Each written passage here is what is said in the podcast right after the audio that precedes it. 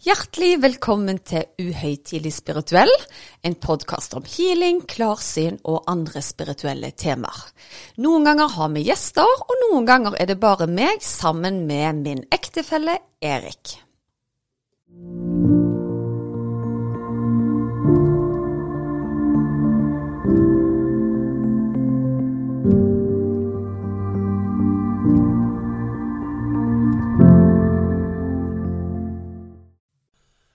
Altså sånn, Da er tacoen fortært. Det er han. vet du hva, Hvor mange år har vi spist taco, liksom? Og det er ikke frivillig engang, føler jeg. Det er blitt en sånn tradisjon som vi har skapt sjøl, og som vi på en måte er en sånn lenke av, føler jeg da, i hvert fall. Ja, men må ha taco Ja. hver fredag. Og så pirkes det i maten. Ja da, de, de er ikke sultne, men eh, taco, det, det er viktig å ha. Ja. Yes, yes. Du, det var en historie som eh, slo meg litt, så jeg tenkte jeg kunne sette liksom eh, temaet for dagen, da. Ja? Det var min farmor, som da var eh, religiøs. Ja. Eh, hun sa alltid det når du er ute og flyr. Så hvis det er turbulens eller et eller annet sånn at du føler ubehag eller frykt med fly, se ut vinduene, for da holder englene oppe eh, flyet, da. Det var en veldig fin måte å si det på, da. Ja, det Ja. var jo det. Og det var jo for at du skal på en måte tenke på noe annet, eller eh, føle deg tryggere, da. Men så slår det meg Du snakker jo av og til om ikke nødvendigvis engler, men du snakker gjerne om hjelpere og sånne ting. Ja, jeg har vel egentlig vært innom en del forskjellige historier med mine hjelpere og guider. Så jeg er absolutt kjent med, med det, altså. Og for min del så er det på en måte så blitt så naturlig del av meg at eh, det er liksom ingenting uten mine hjelpere og guider, da. Ja. ja, for nå sier du liksom hjelper, guide, og vi var inne på engler, så jeg tenkte hva med liksom tydeliggjør egentlig hva er alle disse tingene, da? Ja, for det første da så må jeg jo si at det har òg vært en prosess. Jeg har jo vært inne på i tidligere episoder at jeg har hjelp når jeg healer. Eh, Jeg har òg fått besøk fra den andre sida. Og jeg har lært meg etter hvert at det er en forskjell på hjelpere og guider. Etter min oppfattelse, da. Ja. Eh, og det jeg tenker er at hjelpere, det er gjerne avdøde venner eller slektninger som er Hva skal jeg si? De er til stede for deg for å veilede deg i livet videre, da. Og jeg har vel gjerne en følelse av at de gjerne vet mer om livet mitt enn meg sjøl, gjerne om framtida. Men ikke at de nødvendigvis kan forme min framtid, for jeg har jo fri vilje. Men de kan prøve å si meg et dytt i riktig retning, da. Og være støttende, på en måte. Kan det være litt sånn at uh, du kommer til himmelen eller etterlivet eller hva det er, og så får de på en måte se hva du var utvalgt til å gjøre, og så prøver de å dytte deg i rett retning? Ja, det, det tror jeg. Eh, og vi har tidligere vært inne på den dagen når jeg oppdaga at jeg fikk evnene mine. Da var det jo min morfar som snakket til meg fra den andre sida. Han var jo allerede død, og jeg hadde aldri tenkt på at jeg kunne snakke med døde personer i det hele tatt. Så når han da kom gjennom, så var jo han min aller første hjelper. Men det som skjedde de påfallende dagene, var jo at jeg fikk, fikk kontakt med Aurora, da. Og hun var jo i første omgang noe som jeg kjente på at dette må jo være en engel som har kommet og skulle fortelle meg noe. For den personen eller kraften eller engelen, om du vil, formidla jo et viktig budskap til meg. Men da hadde jo allerede min morfar på en måte forberedt meg på det møtet. For han kom jo gjennom til meg i en drøm dagen før, eller om det var to dager før, det husker jeg ikke helt. Så den dagen når jeg da kjente Aurora sin tilstedeværelse, og kjente den enorme vibrasjonen i hele kroppen, så visste jeg jo at dette her er jo noe annet. Dette er ikke bare en fra den andre sida, men dette er en energi med en helt utrolig kraft, altså. Ja. Vi skal komme litt tilbake igjen eh, til det. Men det som jeg syns er litt spennende, da, det er jo at eh, når jeg har undersøkt litt hva er egentlig en engel, da, Ja. eh, så fremgår jo engelbegrepet i veldig mange av de største religionene. Ja, de har jo det. Og du ser liksom både på hebraisk malak eller på gresk angelo, og begge ordene har samme betydning, og det er sendebud. Altså at det er en person som kommer her, eller en skikkelse, eller whatever, og ønsker å formidle et budskap. Ja, stemmer. Og da sier jo da disse religionene at eh, det er jo da selvfølgelig en beskjed fra Gud. Ja. Og jeg er, jeg er ikke uenig i det. Jeg er absolutt med på at det kan være en beskjed fra, fra Gud, altså. Men så er det dette med Gud, kraft, universet. Eh, I hvert fall en enorm kjærlighetskraft, som vil formidle deg noe viktig. Ja. Men så er det jo dette her med guider, da. Ja. Eh, hva er det guidene gjør som skiller de fra å være en engel? Det er et veldig godt spørsmål, for av og til har jeg følt at de har glidd litt inn i hverandre, da. Men blant annet når jeg er i en healing-sesjon, så har jeg jo en del hjelpere som ikke er mine tidligere slektninger eller eh, bekjentskaper som har dødd, da. Dette her er krefter eller personer, om du vil, eller engler eller guider, som jeg ikke har hatt et forhold til tidligere, da. Ehm, så hva som skiller de fra englene? For min del så er det veldig enkelt. Og da kan jo folk le litt av det, men jeg ser jo engler med vinger. Ah, ja. Og om det da er et symbol fordi at jeg er blitt lært opp til at en engel har vinger, det kan godt være, men det er sånt jeg skiller det. Og jeg har fått besøk av en engel gjerne tre-fire ganger, og det har vært en av de sterkeste opplevelsene i mitt liv. Og det er veldig annerledes enn de opplevelsene jeg har på kontoret mitt til vanlig, da. Har, for hjelperne mine er jo med hele tida. Eller guidene mine. Um, ja. Ja, stilig. Men sånn som jeg tolker det litt, når du sier guider, så er det gjerne nære slektninger, som du var inne på tidligere, eller bekjentskaper som da ja. Hjelpere er gamle, altså bekjentskaper. Si faren din eller farmora di eller et søsken eller en venninne. Men guider har du ikke nødvendigvis levd med sammen på jorda, da. Nei, stemmer. Det er det som er den eh, Ja. essensielle forskjellen. Så da kommer det gjerne enten de er med deg fra fødsel, eller at de kommer og går gjennom din utvikling, da. Stemmer. Og det som er litt interessant med hjelpere, da, at i starten så var det jo min morfar som introduserte meg egentlig at det gikk an å snakke med noen fra den andre sida. Eh, Og han var med meg veldig lenge. Men så ble han på en måte fasa ut, og så kom min far inn. Og faren min han døde for elleve år siden, og det var òg en prosess eh, hvor han etter hvert begynte å være mer og mer til stede. Men så var det akkurat som han jo bare forsvant litt, og der hadde jeg jo nesten en sånn en sorgfull avskjed i fjor. Hvor han ga stafettpinnen eh, Stafettpinnen! Stafettpinnen videre til min farmor.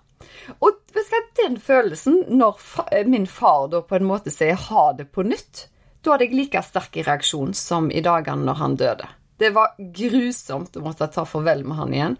Og det var nok ikke det at han, han forlot meg, men det å få på en måte en bekreftelse på at Susanne, du har kommet så langt nå at du trenger meg ikke på samme måten, men jeg skal sørge for at farmor tar vare på deg. Det var, det var veldig sterkt. Så jeg var veldig glad for at farmor kom inn. Og hun har jeg hatt kommunikasjon med i ettertid. Men det var litt sørgelig òg, altså. Ja. Hva, hva tenker du liksom med de som gjerne er litt kritiske og sier «Øh, du må ikke liksom forstyrre de døde, eller liksom Ja, da kan jeg love deg at jeg forstyrrer ikke deg, de forstyrrer gjerne meg, men ikke, ikke den veien der. Nei, jeg, jeg altså på min side syns jeg bare det er kjekt å bli forstyrra, men det er aldri sånn at jeg påkaller at nå skal noen dø komme til meg. Det er en ting som bare skjer. Men selvfølgelig, på lik linje med sikkert deg og naboen og andre bekjente, så tenker vi jo på de vi er glad i som har gått over til den andre sida. Og noen ganger hvis jeg ber om hjelp, da, litt sånn 'Farmor, kan du gi meg et tegn?' Så skjer det kanskje ikke på det minuttet eller de fem minuttene, men det skjer kanskje dagen etterpå. Så det er veldig spennende hvis du velger å bruke litt tid på det, altså. Jeg må jo si at jeg må dra fram en liten historie fra når uh, datteren vår var liten. Ja! For jeg spurte en gang liksom ja, Hva tror du morfar gjør i himmelen nå, liksom? Og så sa hun et eller annet, jeg husker ikke hva det var. Men det jeg beit meg merke i, det var sånn Hva tror du Olle gjør i himmelen nå, da? Nei, hun danser. Ja, sant? Ja. Og da tenkte jeg ja, vet du hva, er det noen som er på fest, så er det hun. Så Og det hadde jo sikkert du aldri fortalt henne, at hun, hun danser. Og så er hun liksom altfor liten til å liksom komme på at det er noe å si, liksom. ja. Så nei, så, så hjelpere, det er altså avdøde slektninger eller bekjentskaper som du har vært knytta til, som kan gi deg en utdrakt hånd i livet der vi er nå. Men hvis jeg prøver å, å sette ord på dette her litt sånn Hvis du, vi drar paralleller til Hollywood, da. Ja. Nå er jo Hollywood film, og film er et visuelt redskap, da. Ja. Så du må på en måte gjøre det litt visuelt da, for å formidle det. Men, men jeg vet ikke om du har sett den eh, filmen uh, Den sjette sansen? Den har jeg sett, og den var så fin. Jeg syns den var kjempefin film. Ja. Men der er det jo veldig på altså de som har dødd, og at de, de viser de visuelt, og at de er der og prøver å formidle et eller annet. ja, og jeg tror det er litt sånt i virkeligheten nå, altså. At hvis vi er mer observante, så kan vi på en måte få den kontakten, da. Men det krever noe av oss sjøl. Og det er jo litt sånn som noen personer går i sitt eget hode når de går på tur og får ikke med seg noen ting, mens andre observerer alt der ute. Jeg er jo altfor mye i mitt eget hode igjen, så jeg har det vel travelt med å snakke med de som faktisk er der, istedenfor. Eh, men ja, du, du kan absolutt få mye kontakt med de som har gått over den andre sida, og som er dine hjelpere. Ja. Men det er jo et ord som jeg av og til har hørt. Erkeengel. Gabriel eller et eller annet. Altså, Ja. Hva er forskjellen på en engel og en erkeengel? En erkeengel er nok en av en større rang, hvis det er lov til å si da. De har hatt mye erfaring og hjelper veldig mange forskjellige mennesker på samme tid, da. Og når jeg jobber, så bruker jeg veldig mye en guide som, heter, som heter Mikael. Og så spørsmålet er han en erkeengel, da? Det tror jeg, men det er jo bare min oppfatning i jobben. Og han er alltid med for en beskyttelse. Så når jeg gjør en healing, så sier jeg alltid at nå kommer Mikael inn, og han tar overordna ansvar. Mens Aurora, min guide, går inn i mitt energifelt for dobbel effekt av healing og min egen beskyttelse. Ja. Men eh, hva s- opplever du at de bare vil deg godt? Ja, det gjør jeg. Utelukkende. Men så er det sånn som i den vanlige verden, så er det de fleste vil deg vel, men det vil alltid være noen som ikke vil deg vel òg. Og det er derfor jeg syns det er veldig trygt å jobbe med sånne som Mikael og Aurora, som jeg har hatt med meg hele livet, da.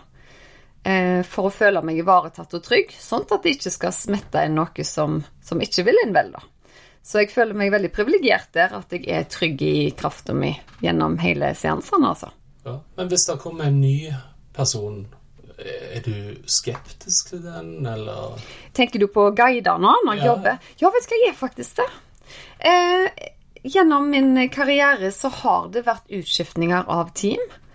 Eh, og jeg er faktisk litt skeptisk når det kommer inn, eh, inn nye, fordi at eh, jeg tror en skal være det. Eh, men så har jeg etter hvert ganske dyktige, usynlige hjelpere rundt meg som siler fort ut hvis at det er krefter som ikke vil en vel, altså. Så jeg stoler veldig på den krafta som kommer, og så lenge du tar krafta fra en god plass, og det er jo det har vi jo snakket om tidligere, den universelle kjærlighetskraften, Gud om du vil, så skal det gå veldig fint. ja. Men har du Altså, hvis du isolerer deg fra healeryrket, da, Ja. og så tenker liksom litt mer sånn hverdagslig, har du noen erfaringer fra ditt hverdagslige liv hvor du føler at oh, her må det ha vært noen og hjulpet meg? Ja, det har jeg, og jeg har jo snakket om det tidligere. Og det var jo en av de gangene når du annet fikk hjertestans. Da var det krefter der som virkelig gjorde sitt ytterste for at vi skulle komme oss helskinna gjennom det. Blant annet at jeg intuitivt rigga til en bursdag som skulle være om flere dager. Em, ja, så det, har jeg opplevd. Og så har jeg jo fortalt tidligere òg, det blir mye gjentagelser nå, men eh, hvor jeg ba om hjelp, rett og slett, fordi at jeg følte at du ikke helt var tilbake etter hjertestansen. Og da fikk jeg jo både diamant i diamantdyredobbene mine servert og en frisk mann på morgenkvisten. Så den gangen jeg har bedt spesifikt om at nå trenger jeg hjelp til meg, så har jeg alltid fått det, men det har ikke nødvendigvis vært akkurat de minuttene jeg krever det, eller spør om det. Det kan av og til ta tid. Så jeg slipper liksom ikke unna livet, jeg heller, altså. Nei. Og til de innbruddstyvene som lytter på så er disse diamantøredobbene, altså They're glass. Ja da. Nei, nå sitter de fast i ørene, men da tar de vel deg. det hadde vært skummelt. Nei, men så hadde jeg jo òg en, en episode for noen måneder siden hvor jeg la meg til på, på kvelden, og da skjedde det veldig mye rare greier. Men da fikk jeg jo kontakt med en engel. Og de som husker den episoden om tvillingsjel og tvillingflamme, da så jeg jo en flamme foran meg som fant deg. Men det jeg ikke fortalte, var at etterpå så var det en engel som viste seg for meg på sengekanten. Og det hun sa, og jeg, jeg kunne se konturene av vingene jeg har, jeg har spilt dette inn på bånd, for det var veldig intenst. Så sier hun til meg det at eh, fra onsdag av så vil livet ditt forandre seg. Og da tenkte jeg ja, men nå er det jo natt til torsdag, så det er jo ikke onsdag lenger, er det nå i dag? Og så tenkte jeg neste onsdag nei, det skjedde ikke noe spesielt. En onsdag til skjedde ikke noe spesielt. Men det jeg har tenkt over da, Erik, er det at eh, på onsdagen, som er denne podlisteuka, det er da vi på en måte får feedback på podkasten vår. Og det var òg den dagen jeg skjønte at jeg skulle lage podkast. Så det ble på en måte bare dytta inn i hodet mitt at nå får du begynne å spre budskapet til litt flere folk enn deg og Erik inne på kjøkkenbordet. Ja. Jeg ble jo litt skuffa at det ikke var Vikinglotto som forandra livet vårt. Ja, ja, og det har vi snakket om, men, men de gidder ikke sånn egotripper som det, altså. Nei. Så vi får heller satse på gode tall på podkast, sånn at de som har lyst til å høre om spirituelle temaer, heller får lytte. Ja. Men jeg har faktisk en historie fra før jeg traff deg. Og det er jo litt stilig. Å! Ja. Du, har du ikke delt den med meg før heller? Jo, jeg tror du ikke. Ok, ok, da gjør jeg det. Ja, det er godt. Men det er at jeg hadde da vært på bar i studietiden. Eh, og så var det gratis smaksprøver der. Eh, og vi måtte jo smake. Ja, dere måtte jo det, ja. ja. Så, eh, så sier jo litt om tilstanden vi var i da til slutt. Eh, men da fant jo en lur sjel eh, eh, ut at jeg skulle bli kjørt hjem av en av de som var på bar da. Ja. Eh, Dette var jo USA, da, så de har et litt mer avslappa forhold til dette. med Og jeg så den som skulle kjøre deg hjem, hun hadde faktisk drukket? Ja, nå var det du som sa det var en hu, men ja, det var en hu. Ja. ja. Men uansett, da, eh, så eh, kommer vi til bilen, låser opp bilen, og nøkkelen forsvinner.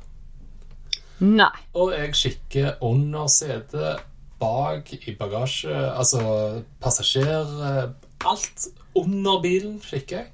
Det ender med at vi må forlate bilen på parkeringsplassen. Og bare låste døren og gikk.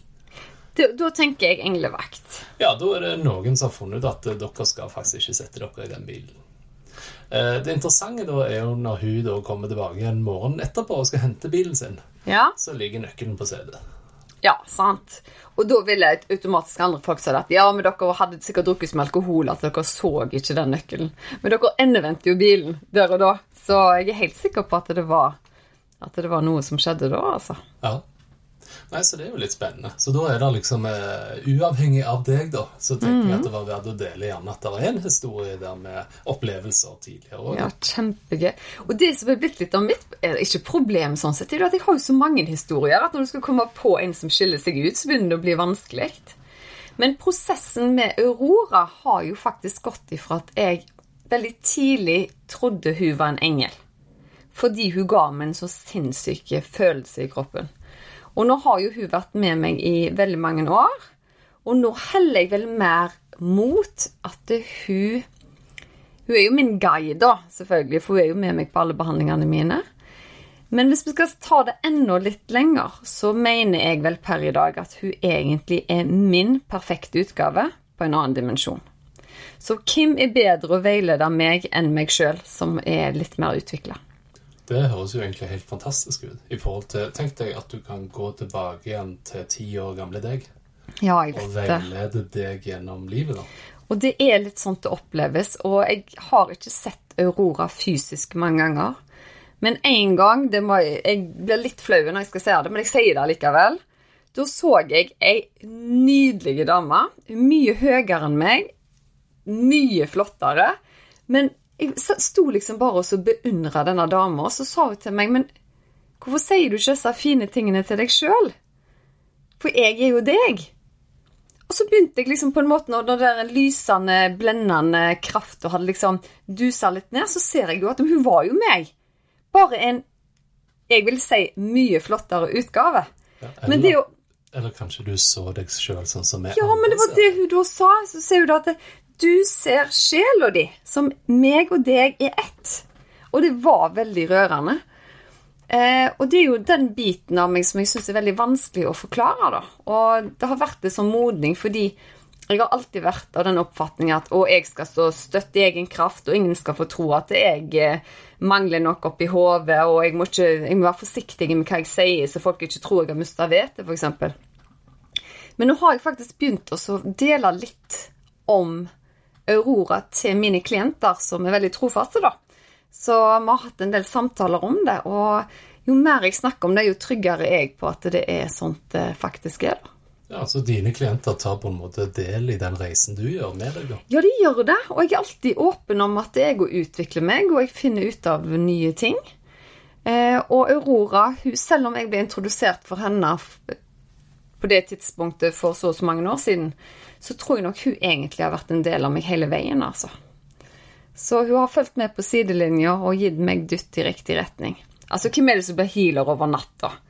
Jobber i, i olja som markedssjef og bare 'Nei, du, jeg skal bli healer.' Altså, selvfølgelig blir dytta i den retningen der. Alt lå jo til rette. Det var nesten som de kasta klientene etter meg, og jeg sto egentlig der som en nybegynner og bare 'Hva gjør jeg nå?' Men så føltes det så rett ut, og jeg var så trygg. Og det hadde jeg ikke vært med mindre jeg hadde en usynlig heiagjeng rundt meg. Ja, Men jeg tenker litt sånn for min del, da. Ja. Hvis jeg vil komme i kontakt med mine hjelpere, har du noen tips til hvordan vi kunne gått fram? Ja, jeg har vel egentlig det. Jeg sier ikke at det funker for, eh, for alle. Men det du må gjøre da, er for det første du trenger litt tid. Dette nytter ikke mens ungene står og hyler i stua, og du skal liksom ha deg fem minutter på badet og prøve å komme i kontakt med din indre eh, guide eller hjelper. Men få litt tid for deg sjøl, og så må du bruke visualisering. Det vil si, søk innover i hjertet ditt, og så begynner du å manifestere en sånn såkalt happy place. Det kan være ute i naturen, gjerne nærme vannet. I hvert fall en plass du føler deg veldig trygg og avslappa, da. Og bruk gjerne litt tid i den visualiseringen, sånn at du får mest mulig detaljer rundt deg på hvor du er. Men prøv å skape en plass som du ikke kjenner til fra før. Altså Hvis du setter deg ut i bakhagen i hodet, så er det liksom ikke naturlig at det skal komme en guide. Men dette her må være et nytt sted. Så du, du lager et sted som du er trygg, og du har lyst til å oppleve med guiden din? Da? Yes, det stemmer. Og bruk veldig gjerne litt ekstra tid på å observere om er det sterke farger, er det ikke sterke farger. Er det vann? Er det sjø? Er det fjell? Er det Ja, ute i naturen et sted, da. Og så kan du gå bort og så kan du sette deg ved et tre. Og så kan du prøve å kjenne kraften av den treen rundt deg. Du kan kjenne hvordan føttene dine kjennes ut mot bakken, om det er sol, om det er vind. Prøve å skape mest mulig følelser da, rundt den situasjonen du er i. Og så skal du rett og slett kikke deg rundt og se om det er noen andre rundt deg på det stedet. Og det er ikke sikkert du ser noen med en gang. Men etter hvert så kan det godt være at noen som kommer, kanskje noen du har levd sammen med før, en far eller bestefar eller en mor eller en onkel eller tante, eller noen du aldri har truffet før. Og hvis du ikke har truffet dem før, spør de mentalt hva heter du, og se om du kommer med et svar. Og det er sånn du må begynne. Og det er ikke sikkert du lykkes første gang eller tiende gang.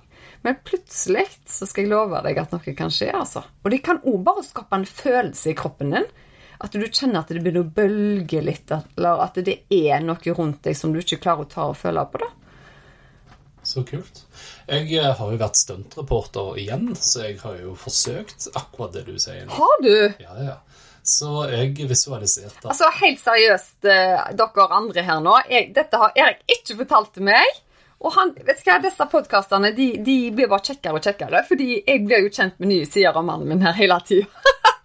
ja. Ja, Men det som var litt morsomt, da, det var jo at eh, jeg visualiserte at jeg satt på en stand i Thailand. Ja. Eh, og så eh, lukte jeg øynene da, og så satt jeg og siktet liksom ut på bølgene. Og så kjenner du liksom at bølgene liksom slår Ja. opp én etter én.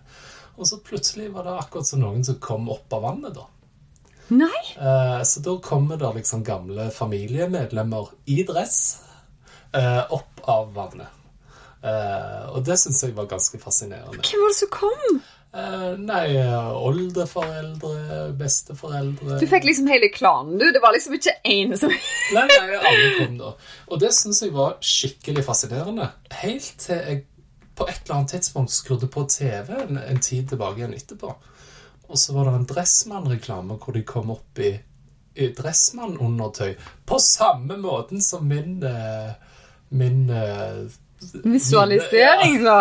Altså, jeg vet ikke, jeg. Du, det var nok et tegn. Vet du hva, Erik, dette her skal vi ikke kimse av. De har jo flere ganger villet kaste deg til modell. Og jeg sier jo alltid det at ja, han ser ut som en sånn Dressmann-modell. Kanskje de har prøvd å sagt du er på feil plattform, du skulle vært modell, ikke sitte som konsulent. Kanskje det var det? Ja, Kanskje hvis du hører på nå, hvis du trenger undertøysmodell med pappakropp, så er det bare å ta kontakt. Ja, det er sikkert det. Nei, men seriøst Nei, du har ikke pappakropp. Det har du ikke. Men i hvert fall så tenker jeg at hvis du hadde prøvd dette flere ganger, så hadde det kanskje blitt litt dypere etter hvert, og kanskje du kunne fått en samtale eller en følelse i kroppen eller en indikasjon på en ny retning i livet. da. Ja. For det krever noe av meg òg. Altså, jeg er veldig god på at andre skal få informasjon. Da kommer det rett til meg. Men når det gjelder meg sjøl, så krever det at jeg må slappe litt av, altså. Jeg har jo av og til brukt dette ekorneksempelet. At jeg føler Altså, si da at du kommer i en setting hvor disse kommer opp av vannet, Ja. og så skal du på en måte spørre dem om noe. Og akkurat i det millisekundet der, så har jeg en tendens til å miste connection litt. Grann. ja, ja, jeg ser den. Og da er det ekornet som jeg har skremt litt, og så sprenger det tilbake igjen i hulen sin. Så hvis du da visualiserer dette her for deg sjøl, og kommer i en setning hvor alt plutselig bang forsvant, Ja. så er det bare å prøve igjen. Det er mitt tips, i hvert fall. Å prøve er- å lokke de ut av liksom ja. Absolutt. Og så er dette med tålmodighet. Altså, Nå har jo du vært sammen med meg i ganske mange år, og jeg tror ikke det er mye tid du har brukt på eh, dette. Jeg står ikke på ett bein og sier om når du er vekke. Nei, nei, du, du gjør jo ikke det. Så, og for meg så er det jo blitt en del av jobben min, så, så jeg har jo tid til å gjøre det. Men, men hvis du setter av en time til trening, så bør du sette av en time til det hvis det er det du har lyst til, da. Å få mer kontakt med din spiritualitet. Så vi trenger ikke gjøre det hver dag, men innimellom. Eh, for det er ingenting som kommer gratis. En må investere litt av oss sjøl. Ja. Jeg syns det er egentlig litt fint. Akkurat så på PC-en har vi en sånn reset-knapp. Ja. Og det syns jeg er litt fint. Og hvis du tar en sånn liten sånn mentalist med med- Hva er det heter? Er det mentalisme? Med Meditasjon, er det det du Ja, tenker? eller Det er et nytt sånn ord at du skal feel good og litt sånne ting. Men uansett, da. Ja. Eh, I hvert fall det å liksom trykke litt reset på alt eh, hverdagens sjas og mas, og så er det bare deg i 20 minutter. Veldig herlig. Og så er det noe med det å vite at en ikke er alene. Og jeg tror det er det de aller fleste der ute De trenger litt sånn desperat svar på, da. For når du har mista noen du er glad i, og så hører du gjerne på meg eller andre som jeg har kontakt med den og den og den. Men nå er det ikke sånn at jeg får alle svarene av mine familiemedlemmer hele tida. Det kommer litt sånt i rykk og napp. Fordi vi skal jo leve livet vårt sjøl. Eh, de kan ikke gå veien for oss, men de kan gå an med oss. Eh, og da er det egentlig bare å utnytte de ressursene vi har på den andre sida, på lik linje med de ressursene en har her, da. Ja. Ok, og det tenker jeg er jo et godt eh, tips eh, i jakten på å bli den beste utgaven av seg sjøl. Ja, jeg syns det. Ja. Ok. Jeg håper at du som hører på, har eh, fått en litt bredere horisont enn enn før episoden. Og så takker jeg veldig for at du hørte på i dag. Supert. Og legg oss til på Instagram. Healer Susanne. Velkommen.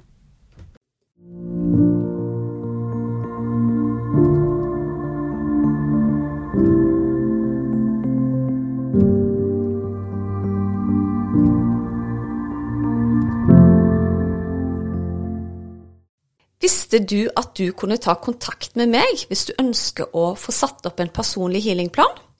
Da er det bare å kontakte meg via Instagram eller på e-post, så gjør jeg det helt kostnadsfritt. Da er det mye lettere å vite hvilken healing du skal velge, til hva tid du skal bruke den, og hvor hvor mange uker du bør benytte deg av dem. Gå inn på healersusanne.com.